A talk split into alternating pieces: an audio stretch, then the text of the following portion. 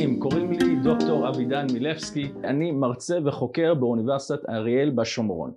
היום, כחלק מהסדרה שלנו על פסיכולוגיה על קצה המזלג, אנחנו נדבר על אריק אריקסון. מי היה אריק אריקסון? מה התיאוריה שלו? ואיך זה כל כך רלוונטי לחיים שלנו מבחינת יחסי משפחה, טיפול. בואו נראה בדיוק מה הוא אמר. אז קודם כל, אריק אריקסון היה תלמיד של פרויד, פרויד, ההוא פרויד. ואריק אריקסון בעצמו לקח רעיונות של פרויד ופיתח אותם יותר לכיוון החברתי לעומת איזשהו מקומות שפרויד לקח אותם. מה בעצם הוא לקח מהתיאוריה של פרויד? הרעיון שמה שקורה בילדות לא נשאר בילדות זה בעצם פרויד. מה שקורה לנו בעבר כשהיינו ילדים, מה שקרה אז ישפיע עלינו עכשיו בתור מבוגרים. זה בעצם תורתו, זה בית מדרשו של פרויד. עכשיו, מה אריקסון עשה? אריקסון לקח את הרעיון הזה והכניס את זה לעולם החברתי. מה הוא אמר בעצם? הוא אמר שאנחנו במהלך החיים שלנו הולכים דרך שמונה שלבים ובכל שלב בחיים מהנקודה שאנחנו נולדים עד היום האחרון של החיים שלנו אנחנו מתקדמים תוך שמונה שלבים ובכל שלב יש איזשהו מתח יש איזושהי תוצאה חיובית ויש איזשהו מהלך יותר שלילי ולא כל כך בריא. והמטרה שלנו זה כשאנחנו גומרים כל שלב, לעבור כל שלב עם החלק הבריא של השלב ולא החלק הלא בריא. ומה שהוא בעצם אומר שבמיוחד השלבים שקורים מוקדם בחיים שלנו יכולים להשפיע עלינו בתור מבוגרים מבחינת האישיות שלנו, בריאות הנפש שלנו. בואו נראה בכל שלב מה המתח מה עוזר לנו להתקדם לכיוון יותר בריא ומה לפעמים תוקע אותנו באיזשהו חלק כל, לא כל כך בריא. אז קודם כל השלב הראשון של אריקסון זה אמון מול חוסר אמון, אוקיי? אמון מול חוסר אמון. השלב הזה קורה בשנה הראשונה של החיים שלנו. מה קורה פה? יש פה מתח. הילד התינוק רוצה להאמין רוצה להאמין בהורים שלו, במשפחה שלו, באנושות, בקהילה, אם הורים נמצאים שם, במיוחד אימא, אריקסון כן דיבר גם על אימא, זה גם חלק מהתורה של פרויד בעצם, אם אימא נמצאת שם כל פעם שתינוק בוכה, אימא נמצאת, אימא מחבקת, אימא נותנת, אם זה קורה במהלך השנה הראשונה בצורה עקבית, התינוק מפתח אמון, אני מאמין שאימא מספקת לי את הצרכים שלי.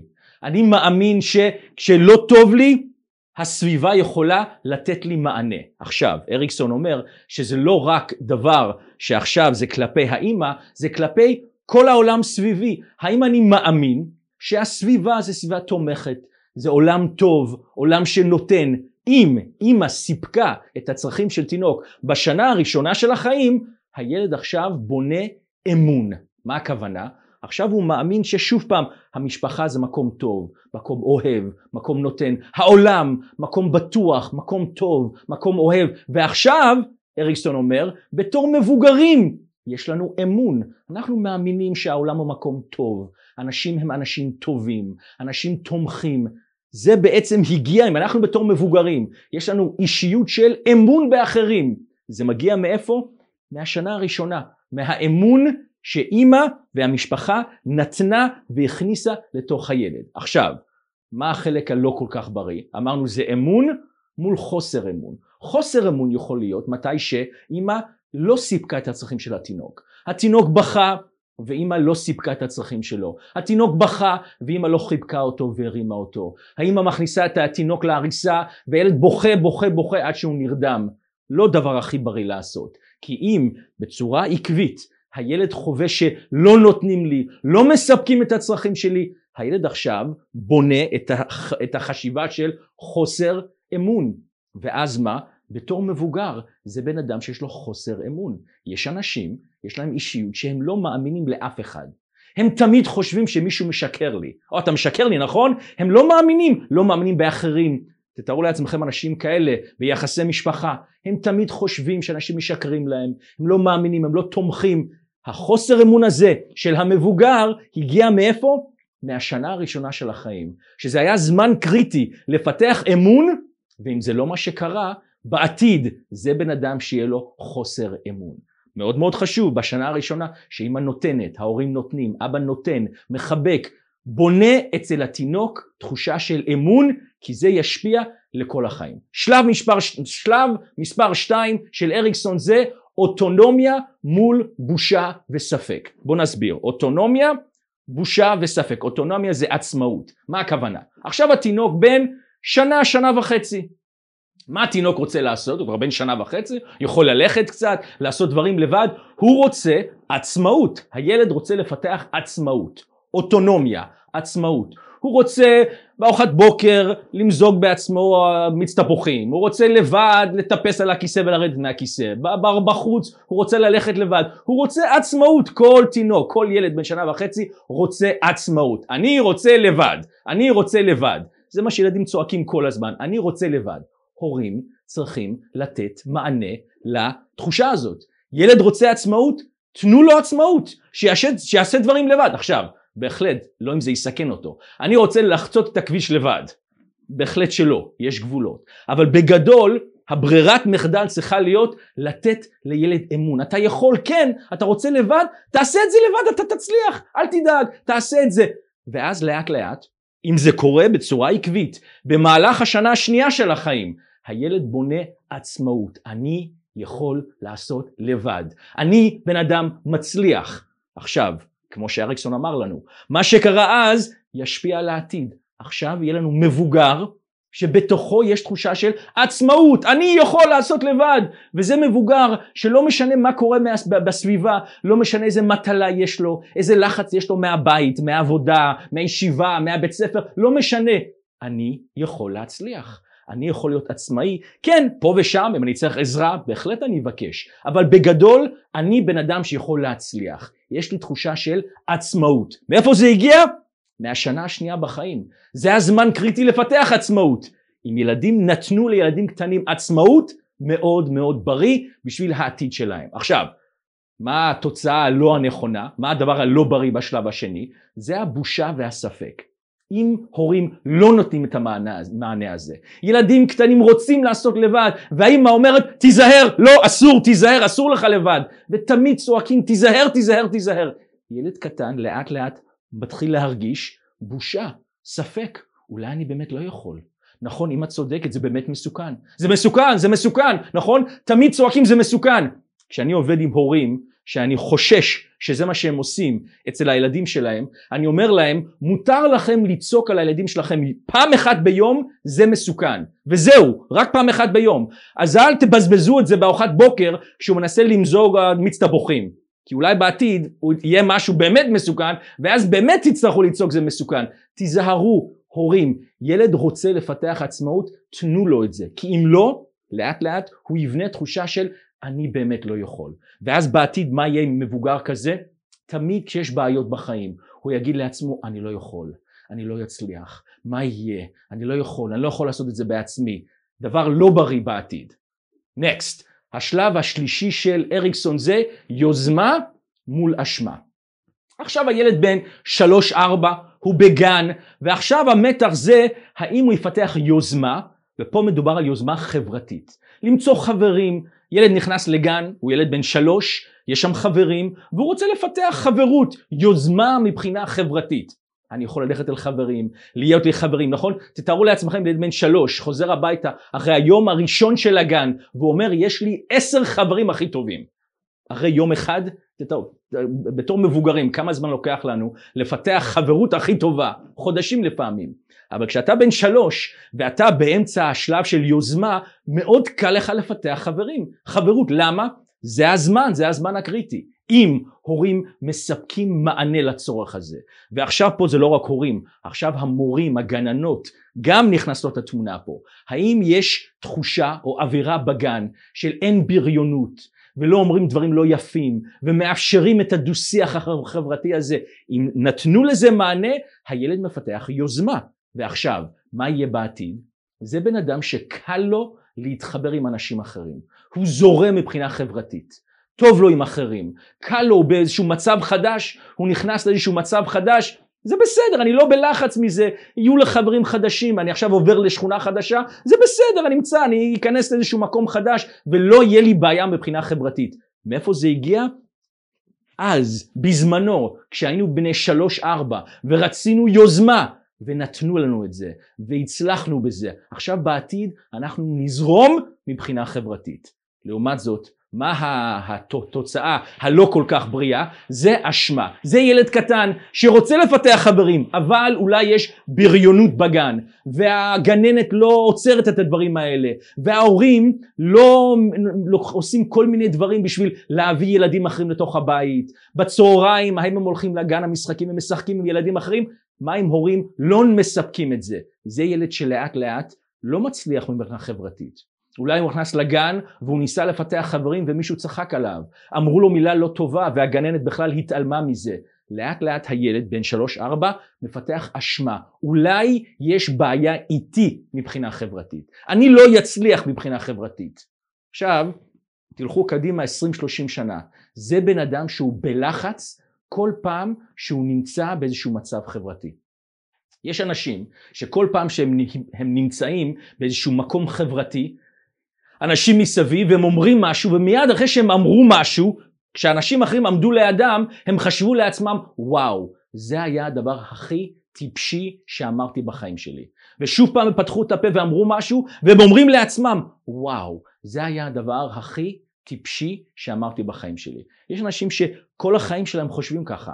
אני רואה מטופלים כאלה עם חרדה חברתית מאיפה זה מגיע?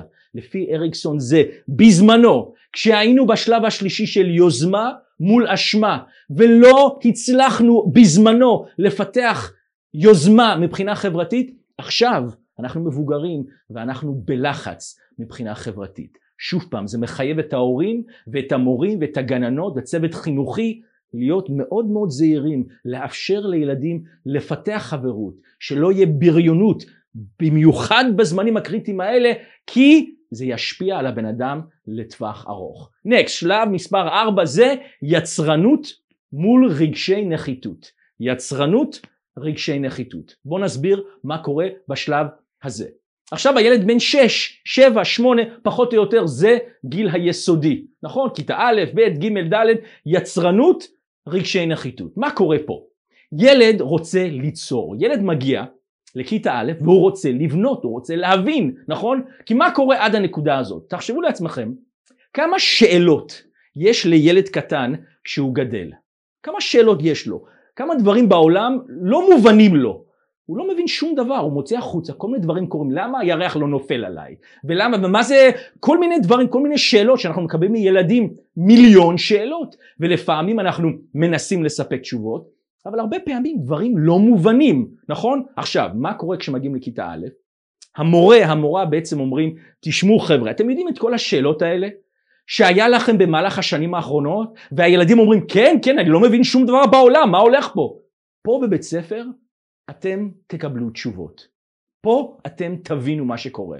איזה כיף. יצרנות, אני רוצה לבנות, אני רוצה להבין, סוף סוף אני אבין את העולם. מצוין. אם מורים נותנים מענה ליצרנות. כל פעם שילד שואל שאלה, וואו יוסי איזה שאלה מצוינת, כל הכבוד לך. הילד מרגיש וואו באמת, אני, אני, אני חכם, אני אצליח, אני אצור, אני אבין, מצוין. ואם זה מה שקורה, בצורה עקבית, בשנים הראשונות זה מחייב מורים בכיתה א', כיתה ב', כיתה ג', זה הזמן, זה ביד שלכם לתת מענה ליצרנות של הילד. אם זה מה שאתם עושים, כמו בשלבים הקודמים. עכשיו אתם מכניסים איזשהו זרע של יצרנות בילד, ובעתיד מה יהיה? הוא תמיד ירצה ללמוד. לא משנה באיזה גיל הוא יהיה. צריך ללמוד משהו חדש? איזה כיף, אני רוצה ללמוד משהו חדש. נכון? מאיפה זה הגיע? אני רוצה ללמוד. התשוקה ללמידה לאורך כל החיים. מאיפה זה מגיע? כיתה א', ב', ג'.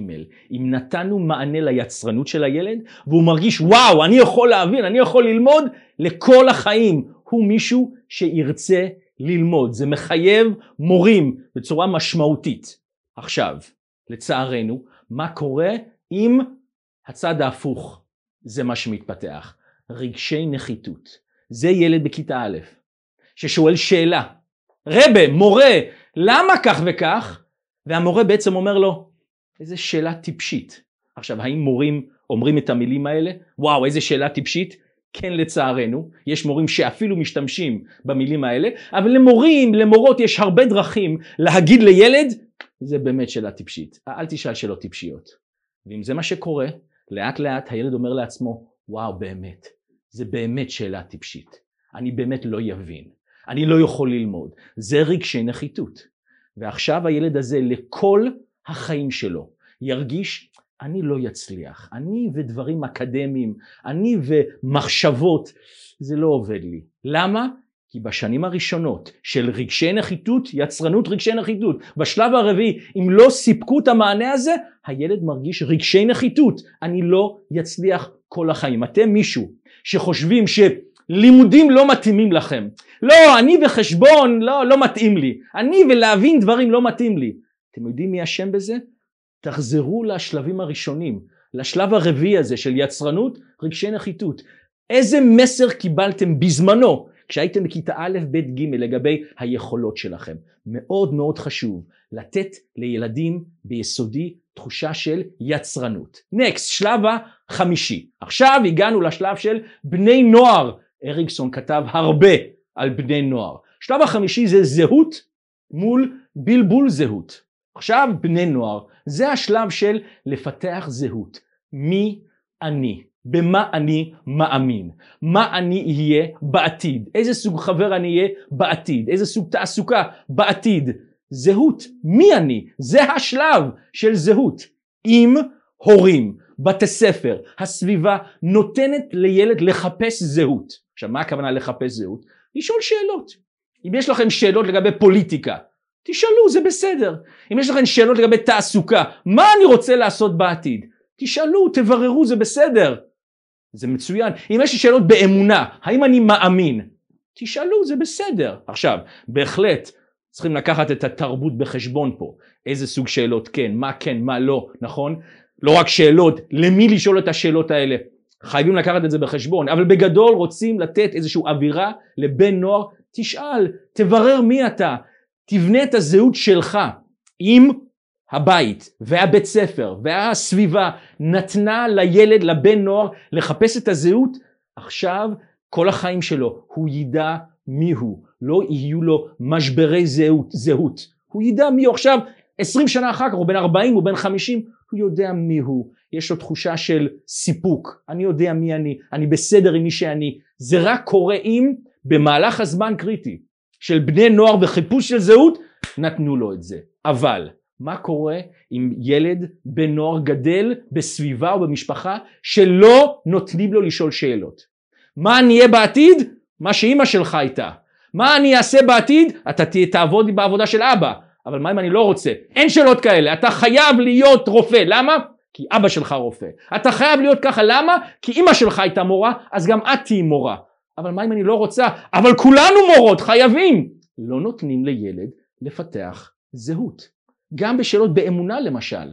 האם מותר לשאול שאלות? אם יש מקומות שאפילו השאלה הכי קטנה, אסור לשאול שאלות, תאמין, לא לשאול שאלות. מכניסים את הילד ללחץ. זה בלבול זהות. ואז אריקסון אומר לנו ששנים אחר כך בן אדם שלא באמת יש לו תחושה של מי שאני, אני טוב עם זה. אם אנחנו רוצים להיות טוב עם מי שאנחנו בעתיד, מבחינת הזהות שלנו, חייבים לתת מענה, מקום לבן נוער לפתח זהות. שלב מספר 6. עכשיו הגענו לשלב של בני 20, 20 ומשהו, אינטימיות מול בדידות. פה הזמן זה לפתח יחס עם בן זוג. לצאת עם בן זוג, שידוכים, לצאת לכיוון חתונה, להתחתן, נישואים, זה השנים של נישואים, נכון? לא רק בחברה החרדית, בהרבה חברות בעולם. זה הזמן שעכשיו מפתחים קשר עם מישהו אחר. אריקסון אומר לנו, אם היה לנו את המקום, את הרווח, לחפש, לשאול שאלות, לצאת, באמת לתת מעצמנו למישהו אחר. כי מה קורה באינטימיות, בזוגיות? אנחנו נותנים מעצמנו למישהו אחר ומקבלים בחזרה. אם אפשרו לנו את זה, אז בזמן הקריטי של אינטימיות פיתחנו את היכולת לשתף עם האחר.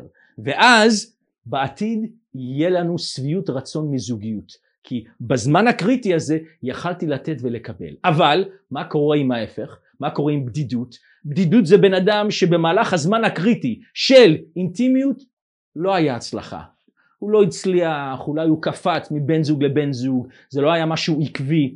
זה בן אדם שיהיה מבולבל בכל הדברים האלה של בדידות בעתיד. שלב מספר 7. עכשיו אנחנו גיל הביניים, גיל המעמד אם אתם רוצים, פוריות מול קיפאון. זה השלב השביעי של אריקסון. פוריות, קיפאון. מה קורה עכשיו? עכשיו זה הזמן, זה השלב של החיים של ילדים. לתת לדור הבא. אנחנו כבר בין 40, 50 נגיד, ועכשיו השאלה האם אנחנו נוכל עם ילדים, להביא ילדים לעולם, אריקסון מדבר על, הרבה על להביא ילדים לעולם ואיך זה עוזר בפוריות, נכון? לתת לדור הבא. אנחנו קיבלנו מהעולם, עכשיו אני רוצה לתת לדור הבא, לחיות בשביל הילדים, בשביל העתיד. אם אנחנו מצליחים בזה, זו תחושה של פוריות, זו תחושה של יש המשכיות. מה קורה אם יש קיפאון? קיפאון זה איזשהו משבר, אנחנו תקועים, אנחנו לא רוצים לתת, אנחנו מאוד אנוכיים, נכון? יש, יש כזה משבר, משבר גיל העמידה. זה קיפאון לפי אריקסון, זה בן אדם שלא הצליח לתת לדור הבא. קיפאון, וזה ישפיע בצורה משמעותית, בצורה לא בריאה בעתיד. ועכשיו הגענו לשלב השמיני והאחרון של אריקסון, וזה שלמות מול ייאוש. זה בן אדם שהוא לקראת סוף החיים שלו. ואריקסון כותב שבשלב האחרון של החיים אנחנו מסתכלים אחורנית ושואלים את עצמנו האם חיינו בצורה טובה? איך הלך? חיינו 70, 80, 90 שנה, איך היה? אם אנחנו מסתכלים אחורנית ואומרים וואו, זה היה טוב, זה תחושה של שלמות. תחושה של שלמות, אנחנו גומרים את החיים, עוברים למעבר בצורה שלמה, יש תחושה טובה של איך היה בחיים שלנו. סבא שלי, קראנו לו זיידי כשהיינו ילדים, הוא היה ניצול שואה, הוא ברח דרך שנגחאי מישיבת מיר, הגיע לארצות הברית, לקראת סוף החיים שלו, ממש כמה שבועות לפני שהוא נפטר, הוא היה בארוחת ערב עם הדודות שלי ובני דודים שלי, והוא היה מאוד מאוד שקט, הוא היה גרמני יקה מאוד שקט, אבל הוא פתאום פתח את הפה שלו ואמר, אתם יודעים, חייתי חיים טובים. היו לי נישואים טובים, יש לי משפחה טובה, אני שבע רצון מהחיים שלי. והדודות שלי התחילו לבכות. וואו, מה זה אומר עליו? הוא ימות עוד מעט. אז אימא שלי התקשרה אליי ואמרה לי, אתה פסיכולוג, תסביר לי מה זה. אמרתי, זה מצוין. אנחנו רוצים בן אדם, הוא היה בן 92 כשהוא אמר את זה.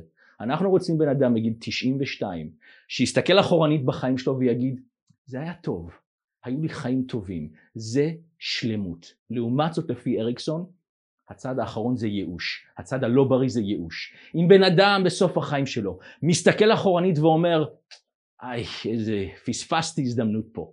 זה לא בדיוק יצא כמו שהתכוונתי, ולא היו לי יחסים טובים, ויחסי משפחה לא היה לי טוב, וזה תחושה של ייאוש. זה לא המטרה שלנו, אנחנו רוצים לגמור את הסיפור, לגמור את החיים, להסתכל אחורנית ולהגיד, וואו, זה דווקא היה טוב. אריקסון, אריקס, אריק אריקסון אומר משהו נפלא.